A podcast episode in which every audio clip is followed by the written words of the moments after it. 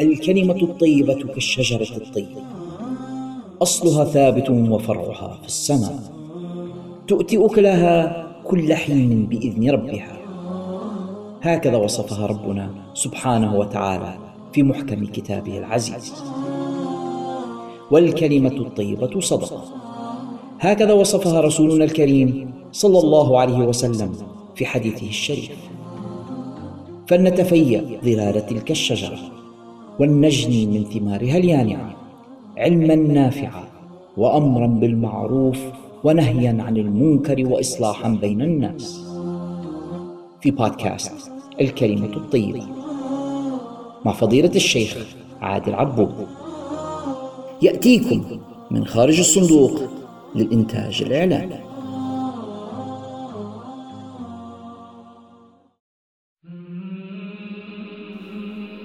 بسم الله الرحمن الرحيم. الحمد لله رب العالمين. حمدا يوافي نعمه ويكافئ مزيده. والصلاة والسلام على أشرف الأنبياء والمرسلين سيدنا ومولانا محمد وعلى جميع إخوانه الأنبياء والمرسلين وعلى آل كل وصحب والملائكة والأئمة وأشياخنا ووالدينا وأهالينا وجيرتنا والمسلمين. اللهم افتح علينا حكمتك وانشر علينا رحمتك وأعنا على تقواك وما فيه رضاك يا ذا الجلال والإكرام. اللهم ذكرنا ما نسينا وعلمنا ما جهلنا واجعل ما تعلمنا إياه حجة لنا لا علينا. ولا تعقنا عن العلم بعائق ولا تمنعنا منه بمانع يا رب العالمين. وبعد إخوتي الكرام السلام عليكم ورحمة الله تعالى وبركاته. وهذه الحلقة الرابعة من برنامج الكلمة الطيبة. وكما تعودنا هذا البرنامج يتكون من فقرات منها فقرة فقهية وأخرى في الوعظ والإرشاد وبعض الأمور التي تكون وتلازمنا في حياتنا اليومية ونختم برنامجنا بشيء من السيرة العطرة أو الشمائل الحميدة والخصال المجيدة للحبيب الأكرم صلى الله عليه وسلم لكي نتأسى به في حياتنا فنفوز في الدنيا والآخرة. الفقرة الأولى في الفقه الإسلامي تكلمنا في الحلقات الماضية عن بعض الأمور التي قد يقع فيها بعض المصلين وأخطاء في موضوع الطهارة. من الأمور الشائعة والتي تعم بها البلوى وقل أن يسلم منها متدين إلا من عصم الله تعالى. نجد كثيرا من الناس يقضي أوقاتا طويلة في أماكن الخلاء. كل ذلك معتقدا يعني لكي يحكم الطهارة. يقضي أوقات طويلة وهذا بسبب الوسوسة. وهذا أمر نضال وقلما يسلم منه متدين أو مصلي كما ذكرنا. وهذه الوسوسة ناتجة عن الجهل بأمور الدين واعتقاد أن الإنسان إذا أطال مكثه وكرر وأعاد الطهارة أن هذا فيه رضا الله وهذا بالعكس تماما لأن سنته صلى الله عليه وسلم التخفيف في الطهارة ما أمكن والاعتماد على غلبة الظن. رب العزة سبحانه وتعالى يعني لم يأمرنا بما هو في علمه سبحانه وتعالى ولكن أمرنا بغلبة الظن في جميع أنواع الطهارات. فكثير من الناس من يعني يبقى في دورات المياه فترة طويلة سواء كان في إزالة النجاسة والتي نتكلم عنها نحن الآن أو في أثناء الوضوء أو الغسل وكذلك منهم من يأتيه الوسواس في الصلاة إلى غير ذلك وسيأتي الكلام عنه في محله. ولكن بصفة عامة فقال العلماء والأئمة أخذا من السنة أن الأمر في هذا واتباع الشرع والسنة المطهرة هو التخفيف في الطهارة. جاء في الأحاديث الصحيحة أنه صلى الله عليه وسلم كان يتوضأ بمد ويغتسل بصاع. المد هو ملء الكفين المتوسطتين يعني إناء صغير يتوضأ منه مع إحكام الطهارة ويغتسل بصاع. إناء يعني يساوي أربعة أمداد. الآن نحن الآن قد بعض الناس اللهم عافنا ممن هو مريض بالوسواس قد يكمل الخزان خزان المياه الذي في البيت ولا يتم غسله. لدرجة أن أحد آه، الموسوسين اللهم عافنا وإياهم أتى إلى عالم من العلماء وقال له أنا أغتسل في النهر ومع هذا أحس أنني لم أستوعب الأعضاء ولم أستوعب جسدي بالماء. فقال له أنت ساقط عنك الصلاة. قال كيف ذلك؟ قال لأنك مجنون. أنك ما تقوله كلام مجانين. إنسان ينغمس بالكامل في النهر أو في البحر وغيره. ومع هذا لازال يشك في أنه آه، لم يصل الماء إلى بعض أعضائه. فهذا الوسواس شيطان. كما جاء في الحديث أن الوضوء له شيطان يسمى الولهان. هذا الشيطان يأتي ويوسوس الإنسان بحيث يعني يبغضه في العبادة. كذلك يأتي إلى الإنسان في أمور الاستنجاء. يأتي بما ذكرنا في الدرس الماضي من السلت والنتر بحيث يعني يستبرئ ما في القصبة. يأتي بها المفروض مرة واحدة فقط فهو يأتي ويكرر ولا زال يشك في أنه لعل فيه يعني شيء وهكذا يقضي الوقت الطويل. أذكر الآن أنه في سنوات ماضية تقريبا في الثمانينات يعني بعض الشباب آه، سألني عن موضوع المذي. المذي وهو يعني سائل رقيق يخرج عند الشهوة الصغرى ويخرج الأكثر يعني عند العزاب بكثرة.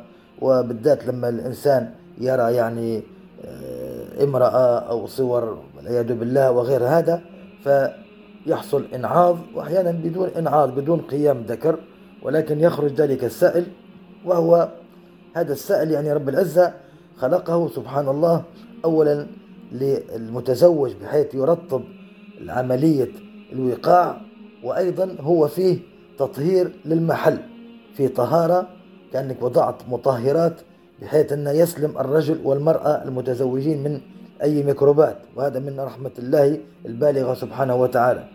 فبعض الشباب كان كلما استيقظ من النوم وجد قطرات من المذي في ثيابه الداخلية وهو لجهله بالأحكام الشرعية. اعتقد أن هذا هو المني الذي يكون منه الولد والذي يوجب الغسل فيغتسل وهكذا كل يوم وكان الوقت وقت شتاء. فتضايق من كثرة الاغتسال فترك الصلاة والعياذ بالله. ثم بعد فترة سألني قلت له هذا يا أخي ليس بمني هذا مذي. هذا فقط عليك أن تغسل الذكر كما جاء في الحديث وتتوضأ وتصلي. وإن هو لوث ثيابك الداخلية ممكن تغسل مكان ذلك المدي وتصلي بتلك الثياب وإلا غيرها. ولكن لا يستوجب الغسل. ففرق بين المذي وبين المني. المذي ويقال المذي أيضا في لغة أخرى عند العرب. هذا السائل رقيق كما ذكرنا يستوجب الوضوء وسيأتي في نواقض الوضوء بإذن الله تعالى. فالشاهد في هذا الكلام هو أن هذا الشاب لقلة علمه بالأمور الفروض العينية التي يجب أن يعلمها كل مسلم. فالشيطان ضحك عليه ووسوس له بأن هذا هو المني. فماذا؟ كانت النتيجة أنه ترك الصلاة والعياذ بالله. ولو مات على ذلك لمات تاركا للصلاة ومختلفا في تكفيره. وأحواله كأحوال الكفار. فبالعلم الإنسان يتغلب على الشيطان وعلى الوسوسة. من الأمور المهمة أن يعتقد أن رب العزة غني عن عبادتنا وعن عبادة الخلق. لو عبده الخلق جميعهم على أكمل ما يكون العبادة ما زاد ذلك في ملكه شيئا كما جاء في الحديث القدسي الصحيح. لو أن الخلق جميعهم من أول الدنيا إلى آخرها اجتمعوا على قلب أتقى رجل واحد ما زاد ذلك في ملك شيئا.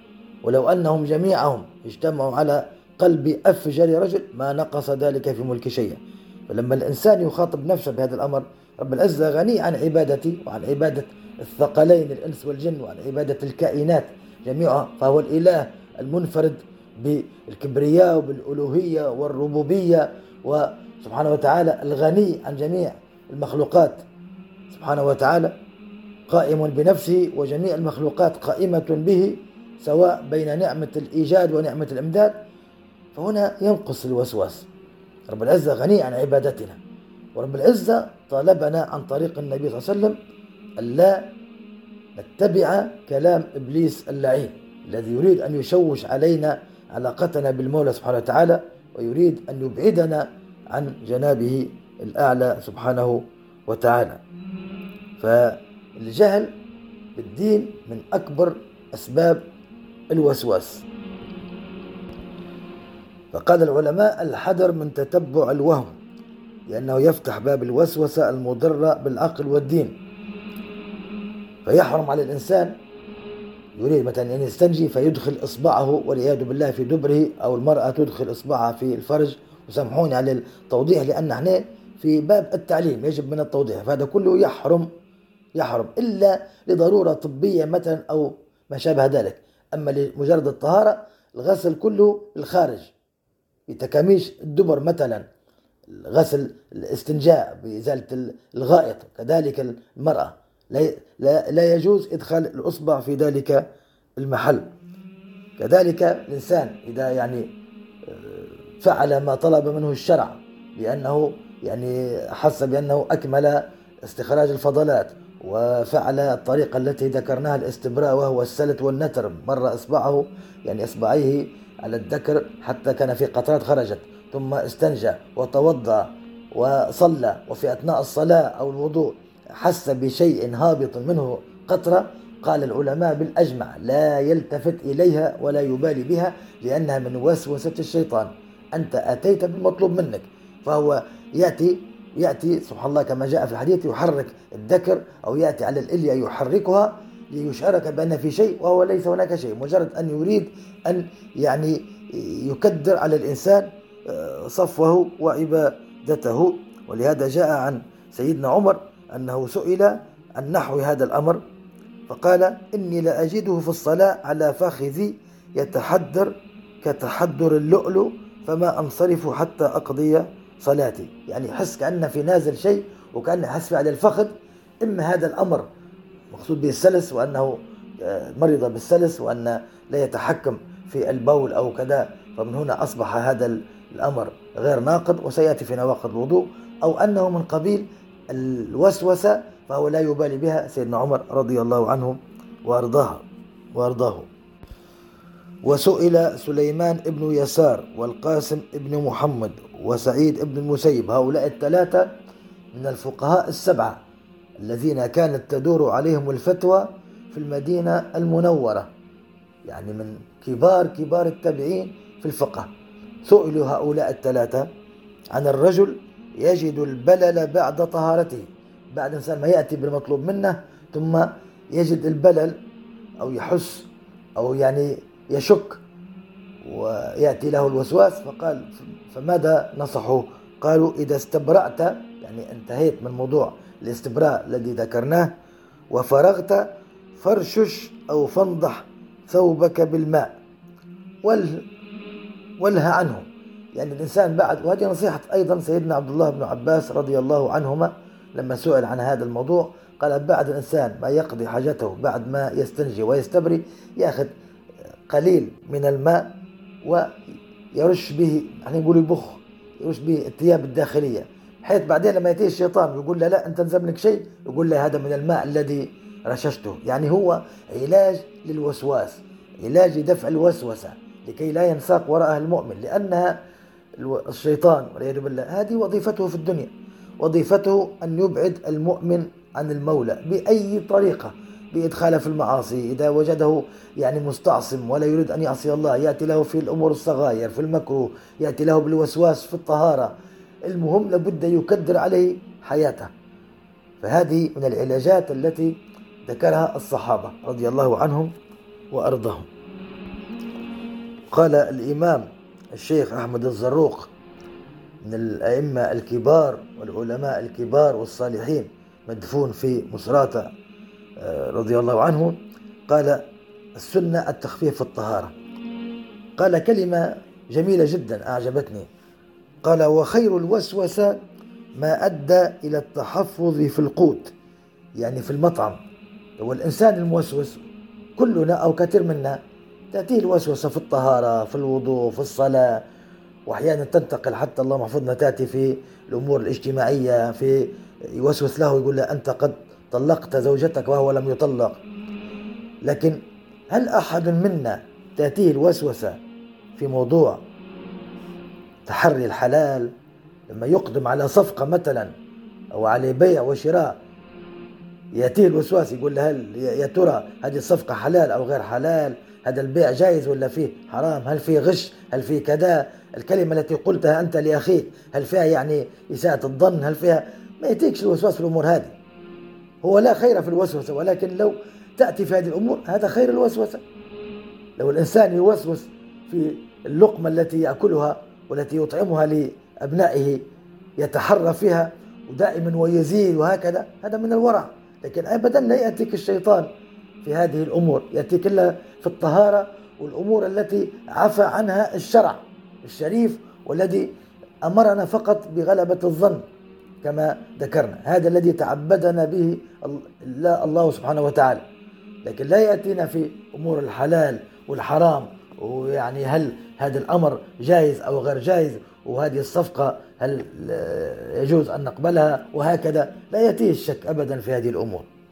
لكي تعلم أن هذا كله بسبب الشيطان. وليس فيه للشرع يعني نصيب أبدا. كذلك من الأخطاء بعض الناس يعتقد أن الاستنجاء يجب أن يوصل بالوضوء. تجده جالس معك ثم أذن المؤذن يقوم لكي يصلي لكي يتوضأ فيعتقد أنه يجب أن يدخل إلى دورة المياه ويستنجي مع أنه لم يخرج منه شيء لم يقضي حاجته. طبعا الاستنجاء من الريح هذا مكروه وغير وارد في السنة. الريح ليست بنجسة.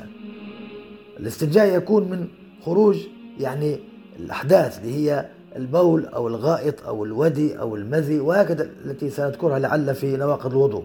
أما الريح فهي ناقض صحيح من نواقض الوضوء ولكنها لا توجب الاستنجاء وأيضا ملامستها للثياب لا تنجسها وكما هو هذا معلوم.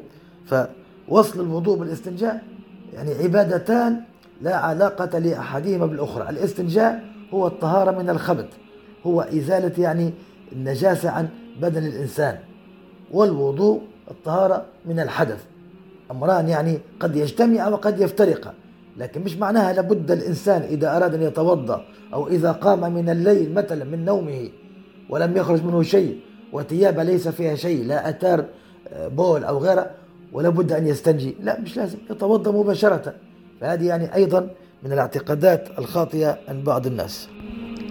كذلك من الأداب آه، بعض الناس بعد أن يقضي حاجته يترك غسل اليدين وهي من السنن التي كان يفعلها صلى الله عليه وسلم كما جاء في الحديث ثم ضرب بشماله في الأرض فدلكها دلكا شديدا لماذا؟ لأن آه، هو صلى الله عليه وسلم يعني فضلاته كلها طاهرة كما قال العلماء ورائحته المسك مسك يعني هكذا بجملته مخلوق معه في خصائصه صلى الله عليه وسلم ولكن تعليما لنا بعد أن يقضي حاجته يدلك يده بالأرض دلكا شديدا. والآن العلماء قالوا الإنسان يستعين بالمنظفات الصابون وغيره حيث أنه لا تعلق الرائحة باليد ولا يكون يعني في رائحة كريهة لأن المؤمن دائما يعني آه، سمته وطريقته ونظافته علامة عليه. ولهذا في السنة قبل أن يباشر بيده الاستنجاء طبعا الاستنجاء كما ذكرنا باليد اليسرى واليمنى للأمور المشرفة. فقبل أن يباشر الأذى قبل أن يغسل ذلك المحل فمن السنة أن يبل يده يبلها بالماء. لماذا؟ لأن لما تبل اليد بالماء تنغلق المسام. فلما يباشر الأذى ويستنجي لا تعلق الرائحة. بعكس لو كانت اليد جافة والمسام مفتوحة تعلق الرائحة ويعسر زوالها فمن هنا يعني يستحب أن يبلها بالماء. وللحديث بقية بإذن الله تعالى. لازلنا في فقرة الوعظ والأمور الاجتماعية في موضوع آه، سوء الظن وما يسمى غيبة القلب. ولعلنا نختمه اليوم. آه، وهذا الموضوع أطلت فيه الكلام لأنه منتشر جدا وسبب لكثير من الخلافات والقطيعة بين الأصدقاء وبين الأقارب كل ذلك بسبب إساءة الظن بعضهم أو بعضهم بالآخر بكلمة قيلت أو تصرف وهكذا ولم نحسن الظن ببعضنا البعض. وكثير من الناس يستسهله بل يزيد عليه الغيبة اللسانية. يبدأ بغيبة القلب وسوء الظن الذي تكلمنا عنه ويزيده بالغيبة اللسانية. وتوقفنا في علاج هذا المرض وذكرنا علاجات منها التربية ومنها الالتزام بآداب النجوى ومنها تجنب الوقوع في الشبهات ومنها الحكم على الأشياء بالظواهر ولا يعني نبتعد عن أن ندخل في بواطن الناس وهكذا ونتذكر عواقب سوء الظن في الدنيا والآخرة. وأيضا كيف نعدل في الحكم على الناس يكون سواسية سواء نحبه أو لا نحبه لا نكيل بمكيالين كذلك من العلاجات المهمة التي ذكرها العلماء إذا خطر خاطر سوء وبأحد من المسلمين وخاصة إذا كان من الأقارب أو الأصدقاء أو الجيران وهذا الخاطر طبعا من الشيطان. كما ذكرنا هذا الذي نبهنا الله سبحانه وتعالى إلى عداوته. إن الشيطان لكم عدو. فهو الذي وظيفته ويسعى في إهلاكنا والعياذ بالله نستعيد ونعوذ بالله العلي العظيم من شر الشيطان الرجيم. فمن العلاجات لما أسيء الظن بأحد أقاربي أو أصدقائي أن نزيد في مراعاته والدعاء له بالخير. نزيد في مراعاته يعني كان كنت نحسن إليه نزيد في الإحسان إليه وندعي له في ظهره. لما نصلي أو في السجود ندعي لذلك الأخ الذي جاء سوء الظن في قلبي ندعو له. فهذه من الأشياء التي تغيظ الشيطان. لما يغتاظ ويرى أن محاولاته كلها باءت وذهبت أدراج الرياح هنا يعني يدفع عنك هذا سوء الظن. هو هو يكون يعني يريد أن يدفع وتكون وظيفته بدل أن يجعلك تسيء الظن يجعلك تحسن الظن. كل هذا لكي لا تشتغل بمراعاة أخيك. ولهذا يقول الإمام البصيري وخالف النفس والشيطان وعصهما وإنهما محضاك النصح فاتهمي. لما يأتي الشيطان أو النفس ويأتي بنصيحة دائما الإنسان يتريت ودائما يدعو الله ودائما يتفكر لأن لا يمكن الشيطان أو النفس الأمارة بالسوء أن تطلب من الإنسان فعل الخير فهذا مخالف لما هم عليه يعني. كذلك ذكرنا لعل في الدرس الماضي أن إذا كانت الهفوة التي فعلها أخي بحجة ودليل وواضحة جدا فهنا ننصحه سرا لا نغتابه ولا نفضحه ولا ننصحه وأنا مسرور كأن يعني نترفع عليه وكأن شماتة. لا بل يكون قصدي. وهذا رب العزة يعلم القصد. هو يعني سبحانه وتعالى خبير بما في الصدور وخبير بما في قلبك. يكون قصدي هو تخليصه من الإثم. ونكون يعني حزين كأني أنا الذي وقعت في تلك المعصية أو أو ذلك الشيء يعني الخاطئ. كحزني على نفسي. ونتمنى أن يترك ذلك الشيء. أنت بالأمر هذا أولا. هو حيحس بها بإذن الله وأنت ستتاب عدة أجور. أولا أجر النصيحة. ثانيا أجر المشاركة في المصيبة. كأنها لأن مصيبة الدين هذه. وأكبر المصايب هو لما يقع في والعياذ بالله معصية كبيرة أو هكذا أو غيرها. هذه مصيبة في الدين. فأنت لما حزنت على هذا وتمنيت زوال منه فأنت شاركته في المصيبة ولك الأجر. وأيضا أجر الإعانة لما تعينه على يعني على دينه. كذلك من العلاجات المهمة والتي يعني آه، سوء الظن هو الخطوة الأولى فيها هو التحقق والتجسس.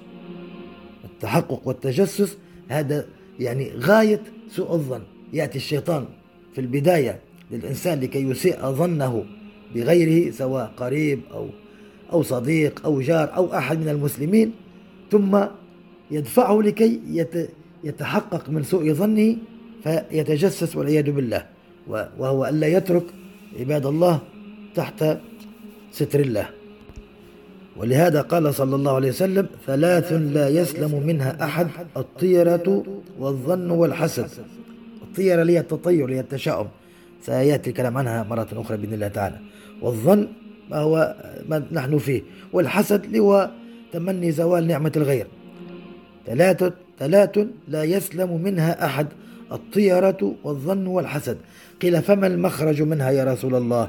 قال إذا تطيرت فلا ترجع وإذا ظننت فلا تحقق وإذا حسدت فلا تبغي أي فلا تظلم. الشاهد في قول صلى الله عليه وسلم وإذا ظننت فلا تحقق. أي لا آه، تتجسس بحيث تتحقق من ذلك الأمر. فمن هنا يعني حرمة آه، التجسس. ولهذا ما لم تشاهده بعينك كما قال العلماء أو تسمعه بأذنك ثم وقع في قلبك فإن الشيطان يلقيه إليك. يعني هذا مجرد إساءة ظن. فيجب أن تكذبه. لماذا؟ لأنه أفسق الفساق. قال تعالى يا أيها الذين آمنوا إن جاءكم فاسق بنبأ فتبينوا أن تصيبوا قوم بجهالة. سمى هذا الذي يأتي بالنميمة سماه رب العزة فاسق. والشيطان أفسق أفسق الفاسقين. فلا يجوز تصديق إبليس بحال من الأحوال يعني. كذلك من الأشياء التي ذكرها العلماء في علاج سوء الظن ما قاله الإمام الحسن أي الحسن البصري إمام التابعين قال ينجيك من الظن ألا تتكلم به. ألهى عنه وأعتقد في أخيك الخير ولا تتكلم. فإذا تكلمت صار غيبة محرمة والعياذ بالله.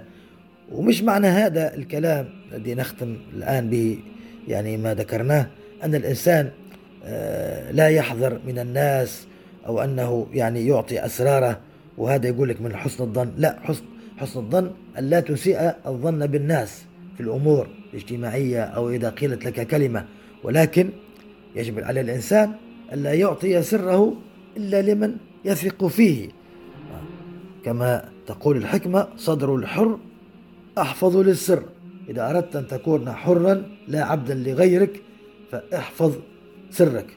ويعني تقول الحكمة الأخرى كل سر جاوز الاثنين ذاع وفي رواية شاع. وكل علم ليس في القرطاس ضاع أي كل علم لم لا يكتب يضيع وكل سر جاوز الاثنين. الاثنين هنا بمعنى الشفتين. إذا أطلعت غيرك على سرك أصبحت عبدا له ولكن الإنسان آه، محتاج لغيره وهكذا فلا تطلع إلا من تثق به ثقة كاملة. آه، لهذا الحكمة أيضا تقول اعتقد ولا تنتقد ولا تطمئن إلى أحد بمعنى تعتقد في الناس جميعهم الخير ولا تكثر من الانتقاد لا تعلم أنت آه، خبايا الأمور كما ذكرنا ولكن في المقابل أيضا لا تطمئن إلى كل أحد بعض الناس فقط يعني الذين تطمئن إليهم وتعطيهم أسرارك فالحذر مطلوب من المؤمن. آه، نختم هذا الكلام بقصة عن الإمام الشافعي رضي الله عنه وأرضاه أنه ذات مرة قال له تلميذه الربيع بن سليمان كان الإمام الشافعي مريضا. فزاره تلميذه قال له قوى الله ضعفك يا إمام. فأجابه الإمام وهو يبتسم قال له لو قوى الله ضعفي قتلني. يعني لو هذا المرض قوي لقتلني. طبعا هو التلميذ يقصد قواك الله يعني ولكن كلمة تجري على الألسنة فالإمام من باب النباهة. والفهم فقط ويداعب تلميذه قال له لو قوى ضعفي قتلني فالتلميذ آه، خاف قال له والتلميذ طبعا هذا الإمام الربيع هو أيضا إمام يعني. قال والله ما قصدت يا إمام. انظر ماذا قال الإمام الشافعي. قال رضي الله عنه والله لو شتمتني لقلت أنك لم تقصد.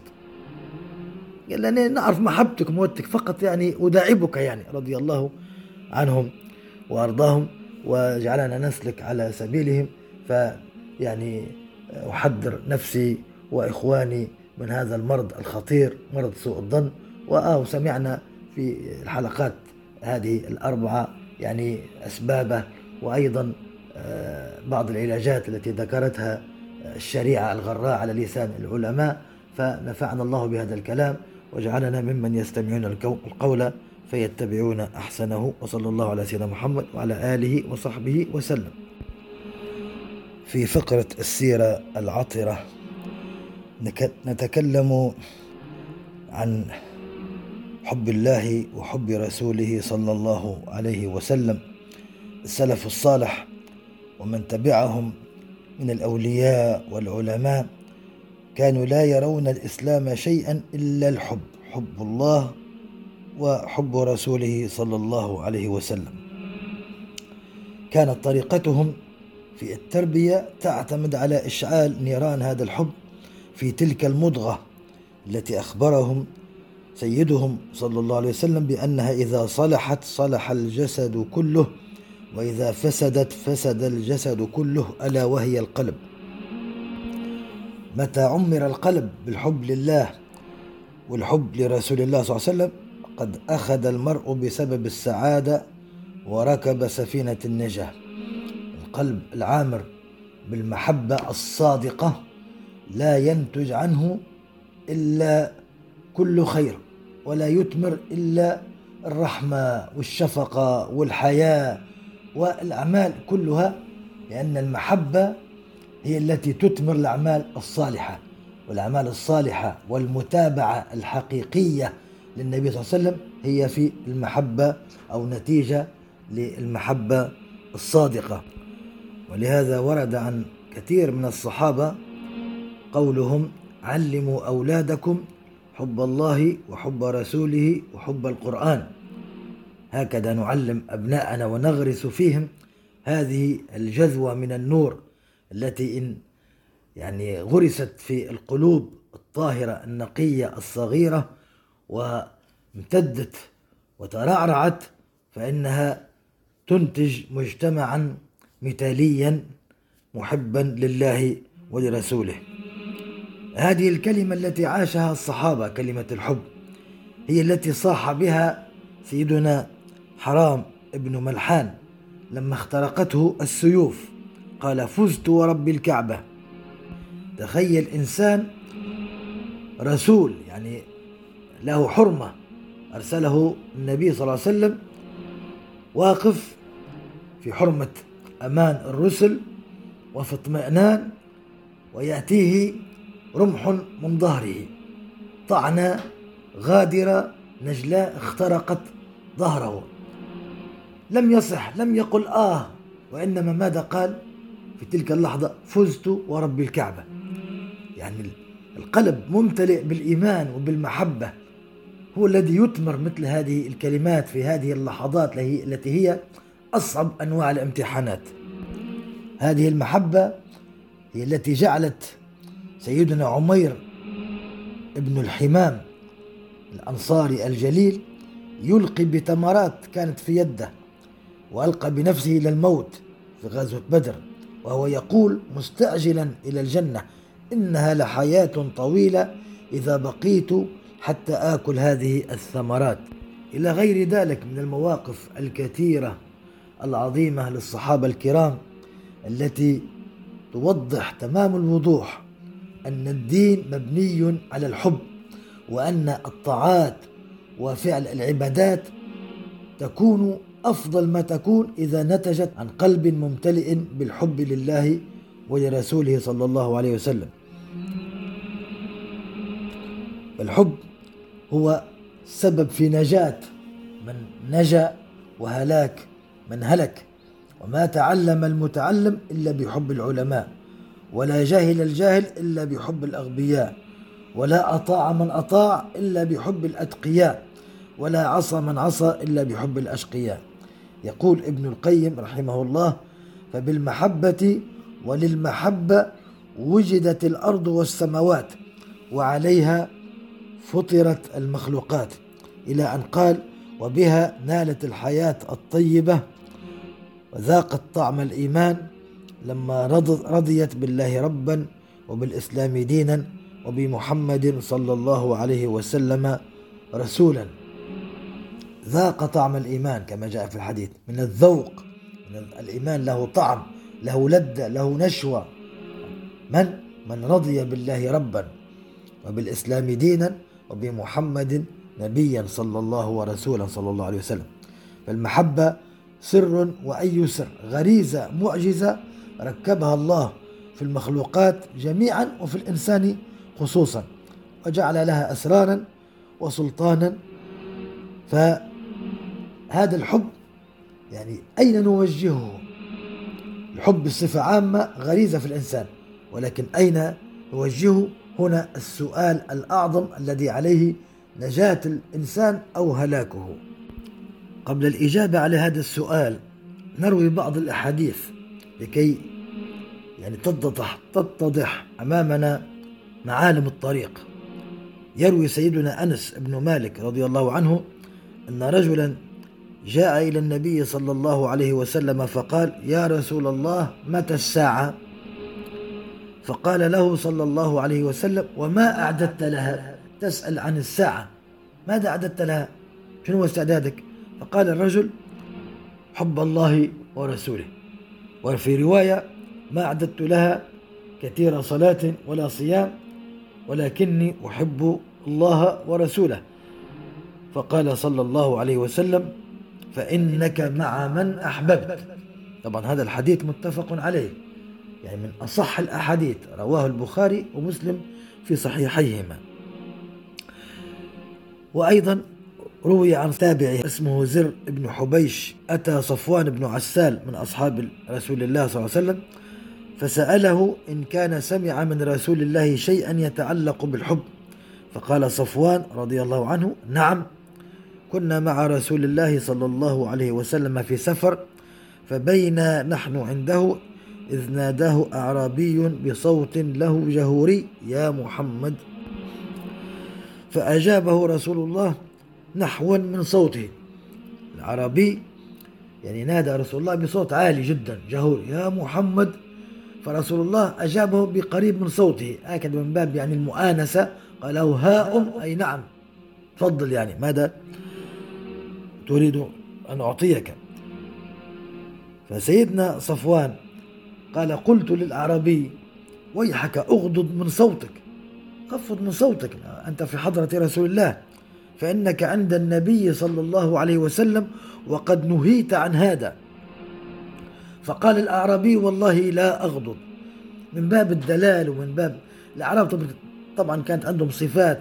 قد هدبها الدين ولكن تغلب عليهم البداوة والقوة وهذا من طبيعة الحياة والأرض وشظف العيش وصعوبة الحياة. ولكن مع هذا هو قالها من باب الدلال والمحبة. وهذا يدل على هذا ما أجابه به النبي صلى الله عليه وسلم. ثم قال مخاطبا النبي صلى الله عليه وسلم المرء يحب القوم ولما يلحق بهم. فقال صلى الله عليه وسلم المرء مع من أحب يوم القيامة. أيضا هذا الحديث متفق عليه. يعني سؤال الأعرابي قال المرء يحب القوم يحب الناس الصالحين يحب مثلا النبي صلى الله عليه وسلم ويحب الصحابة والتابعين ومحبة صدق يعني. ولما يلحق بهم لا يستطيع أن يلحق بهم في أعمالهم الصالحة وفي أفعالهم الجليلة فرسول الله بشره. قال له المرء مع من أحب يوم القيامة صلى الله عليه وسلم. ولهذا سيدنا أنس في الحديث الأول لما سمع جواب النبي صلى الله عليه وسلم فإنك مع من أحببت؟ قال ما فرحنا بشيء بعد الإسلام فرحنا بهذه البشارة فإني أحب رسول الله وأبا بكر وعمر ولم أبلغ مبلغهم في الطاعة وفي العبادة وأرجو أن أحشر معهم لمحبتي إياهم وهذا من من أعظم الكرامات التي يكرم الله بها من أحب الصالحين. بداية أحب رسول الله صلى الله عليه وسلم والأنبياء والمرسلين عليهم الصلاة والسلام أحب الصحابة أحب آل البيت أحب يعني الزوجات الطاهرات كل من يلوذ برسول الله أحب العلماء أحب الشريعة أحب الأولياء. كل هذه تدل على أنه يحشر معهم يوم القيامة. قال العلماء في تفسير الحديث المرء مع من أحب قالوا لأنه أصبح هو يعني هو معه لأن الحب جعله محبوبه شيئا واحدا. يعني وهكذا نلاحظ لما بعض الناس يحب آه، نقولوا رياضي متميز مثلا أو آه، ولو كان من الفنانين أو غيره المحبة هذه التي ليس لها شأن ولا لها قيمة عند الله ولكن انظر هذا السر الذي وضعه الله في القلوب تجده, تجده يقلده في كل شيء حتى في لباسه حتى في تصفيف يعني شعره. ولهذا نتأسف لما نجد شبابنا يقلدون يعني الكفار الأجانب في هذه الأمور بدل ما أن يقلد من هو أهل للتقليد صلى الله عليه وسلم بدل أن يقلد الصحابة بدل من أن يعني هكذا يشتغل بما يقربه إلى الله تجده طبعا ضعف الدين وقلة التذكير بهذه الأمور وغرس المحبة في القلوب تجده يقلد آه، المشاهير من الأجانب والكفار والعياذ بالله. ولهذا قال العلماء إن أردت أن تكون شيئا فأحبه فقط أحبه وسترى حبك له ما يفعل فيك. لما تحب الناس الصالحين تحب الناس الأتقياء وهكذا وتحاول أن تقلدهم في تقواهم وفي صلاحهم سترى كيف أنك تصبح تلك التقوى وذلك الصلاح سجية فيك. فما بالك إذا كان حبك متعلق بالحبيب الأكرم صلى الله عليه وسلم؟ وأيضا إن أردت أن تعرف مصيرك ومع من ستحشر وبأي حالة ستبعث فانظر من من الناس تحب. واعلم أنك ستكون معه في الآخرة كما كنت معه في الدنيا. وهكذا تعلق الذي لك في الدنيا إن كان تعلقك بأمور الدنيا الزائلة بالمال بالسيارات بالنقالات باللباس بالكورة وهكذا. تجد نفسك هذا هذا الذي ستحشر معه. إن كان تعلقك بالآخرة وب وبالله وبرسوله وبما يقربك إلى الله فهذا الذي ستحشر معه. واختر أنت من أي الفريقين تريد أن تحشر معه. فإذا نرجع إلى السؤال من الذي هو يستحق أن نحبه؟ والذي يعني تنفعنا محبته فنرقى بها بدل أن نهوي ونعز بدلا أن نذل. هذه المحبة لا تكون بداية إلا للنموذج الأرقى والمثل الأعلى الذي جادت به العناية الإلهية للمخلوقات جميعا. صلى الله عليه وسلم سيد ولد آدم وأول شافع وأول مشفع. جمع الله فيه من صفات الكمال البشري ما لم يجتمع لمخلوق سواه. ولم يثني الله على أحد كما أثنى عليه في كتابه الكريم. ولم يجعل لأحد منزلة تطاول منزلته وأدبه سبحانه فأحسن تأديبه وأثنى على خلقه بكلام بليغ مؤكد بأنواع التأكيدات فقال وإنك لعلى خلق عظيم. جاب واو القسم. وإن للتوكيد. وهكذا. على تفيد الاستعلاء. كل هذا تنويها لقدره وتعليما وتنبيها لنا بمكانته عند ربه صلى الله عليه وسلم. وأعطاه اسمين من أسمائه. رؤوف رحيم. قال تعالى بالمؤمنين رؤوف رحيم. وجعله سبحانه رحمة للعالمين. فقال وما أرسلناك إلا رحمة للعالمين وأقسم بحياته ولم يقسم بحياة بشر سواه فقال سبحانه لعمرك إنهم لفي سكرتهم يعمهون لعمرك أي وحياتك انظر كم هي قيمة وعظمة حياة النبي صلى الله عليه وسلم عند ربه سبحانه وتعالى وصلى عليه وملائكته إن الله وملائكته يصلون على النبي وأتى بيصلون بفعل المضارع يفيد الدوام والاستمرار وعدم الانقطاع وبنون التو يعني بإن للتوكيد. وسيأتي لعل الكلام على هذه الآية وعلى فضل الصلاة على النبي صلى الله عليه وسلم وهي من أعظم الآيات التي فيها ما ليس في غيرها من تعظيم النبي صلى الله عليه وسلم وقرن اسمه باسمه فإذا ذكر الله ذكر معه. فلا يصح لأحد خطبة ولا تشهد ولا أذان حتى يقرن بالشهادة بوحدانية الله الشهادة برسالة سيدنا محمد صلى الله عليه وسلم. ورفع له ذكره وشرح له صدره ووضع عنه وزره وعلمه فاجتمع, لد فاجتمع لديه علم الأولين وعلم الآخرين. وأقرأه ووعده بأنه لن يكون في الناسين. وأقامه سبحانه في أحسن صورة. وأعذب منطق وألين حديث وأحد ذكاء وأقوى شكيمة. فلا يوجد وصف رفيع يتنافس الناس في التحلي به إلا وبلغ عنده صلى الله عليه وسلم غايته ومنتهاه عليه الصلاة والسلام. فأي أحد هو أولى بأن تفرغ القلوب لحبه صلى الله عليه وسلم. فلما اكتملت فيه المحاسن وتنزه شخصه الكريم عن المثالب وبلغ أعلى مقام يبلغه مخلوق جذب الله إليه الخلق بجوادب المحبة وجعل حبه صلى الله عليه وسلم فرضا على الناس.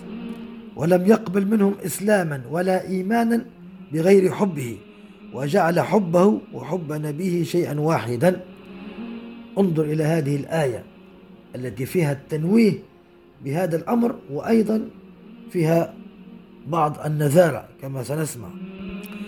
قال تعالى قل إن كان آباؤكم وأبناؤكم وإخوانكم وأزواجكم وعشيرتكم وأموال اقترفتموها وتجارة تخشون كسادها ومساكن ترضونها أحب إليكم من الله ورسوله وجهاد في سبيله فتربصوا حتى يأتي الله بأمره والله لا يهدي القوم الفاسقين.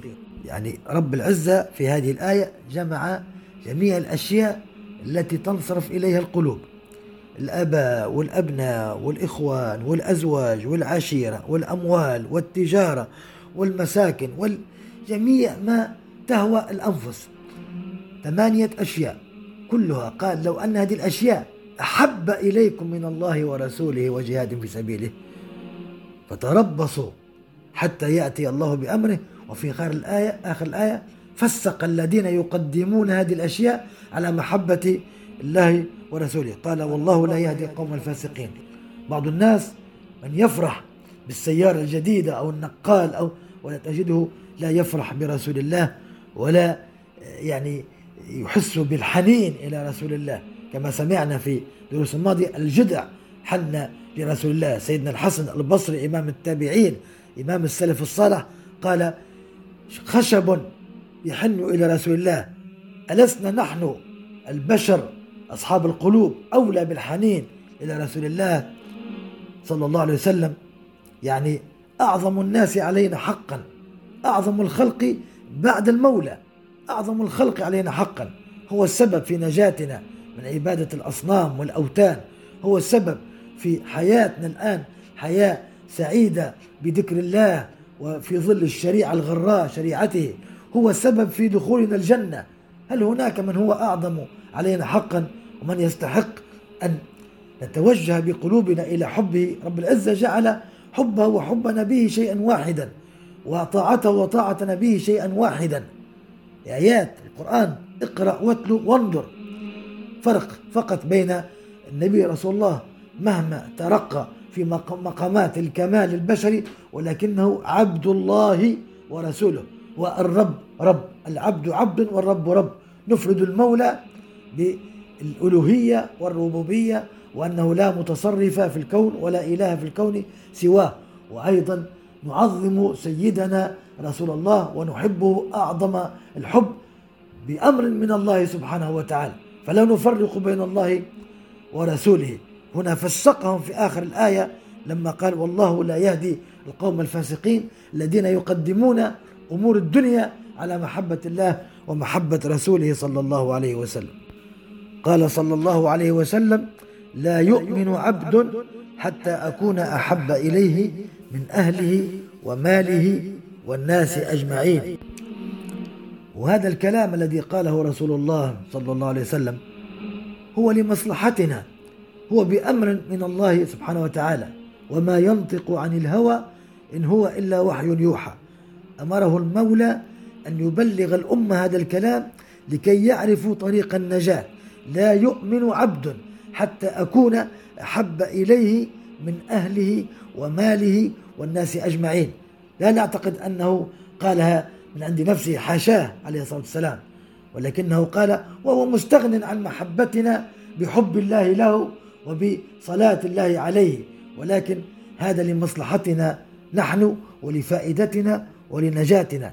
ولهذا لما قال سيدنا عمر لرسول الله يا رسول الله لأنت أحب إلي من كل شيء إلا من نفسي لم يرضى ذلك صلى الله عليه وسلم. وقال له لا والذي نفسي بيده حتى أكون أحب إليك من نفسك. فلما سيدنا عمر التفت إلى نفسه وتأمل وجد أن رسول الله أحب إليه من نفسه. قال والله يا رسول الله لأنت أحب إلي من نفسي التي بين جنبي؟ قال له الآن يا عمر أي الآن كمل إيمانك صلى الله عليه وسلم. لا زال الكلام بإذن الله تعالى عن محبة رسول الله صلى الله عليه وسلم وكيف كان يمثلون آه، الصحابة رضي الله عنهم كيف كانوا يمثلون تلك المحبة وكيف يصفونها وكيف طبقوها رضي الله عنهم أعظم تطبيق. سنتعرض لهذا بإذن الله في حلقات آتية آه، نفعنا الله بهذا الكلام ووفقنا للعمل بما سمعنا من إرشادات وقوى إيماننا ومحبتنا في هذا النبي العظيم وحشرنا معه ونفعنا بشفاعته صلى الله عليه وسلم. سبحان ربك رب العزة عما يصفون وسلام على المرسلين والحمد لله رب العالمين. والسلام عليكم ورحمة الله وبركاته. إذا كانت هذه الحلقة قد نالت رضاكم واستحسانكم فلا تبخلوا علينا رجاء بترك علامة الخمس نجمات في التطبيق الذي تستمعون إليها من خلاله. وإذا كنتم تستمعون إليها من خلال يوتيوب فلا تنسوا النقر على زر الإعجاب وتشاركها مع أصدقائكم ومعارفكم على وسائل التواصل الاجتماعي كي تعم فائدتها وتصل أكبر عدد من المستمعين.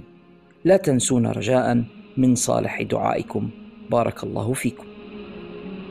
جميع حقوق هذا العمل محفوظة لخارج الصندوق للإنتاج الإعلامي.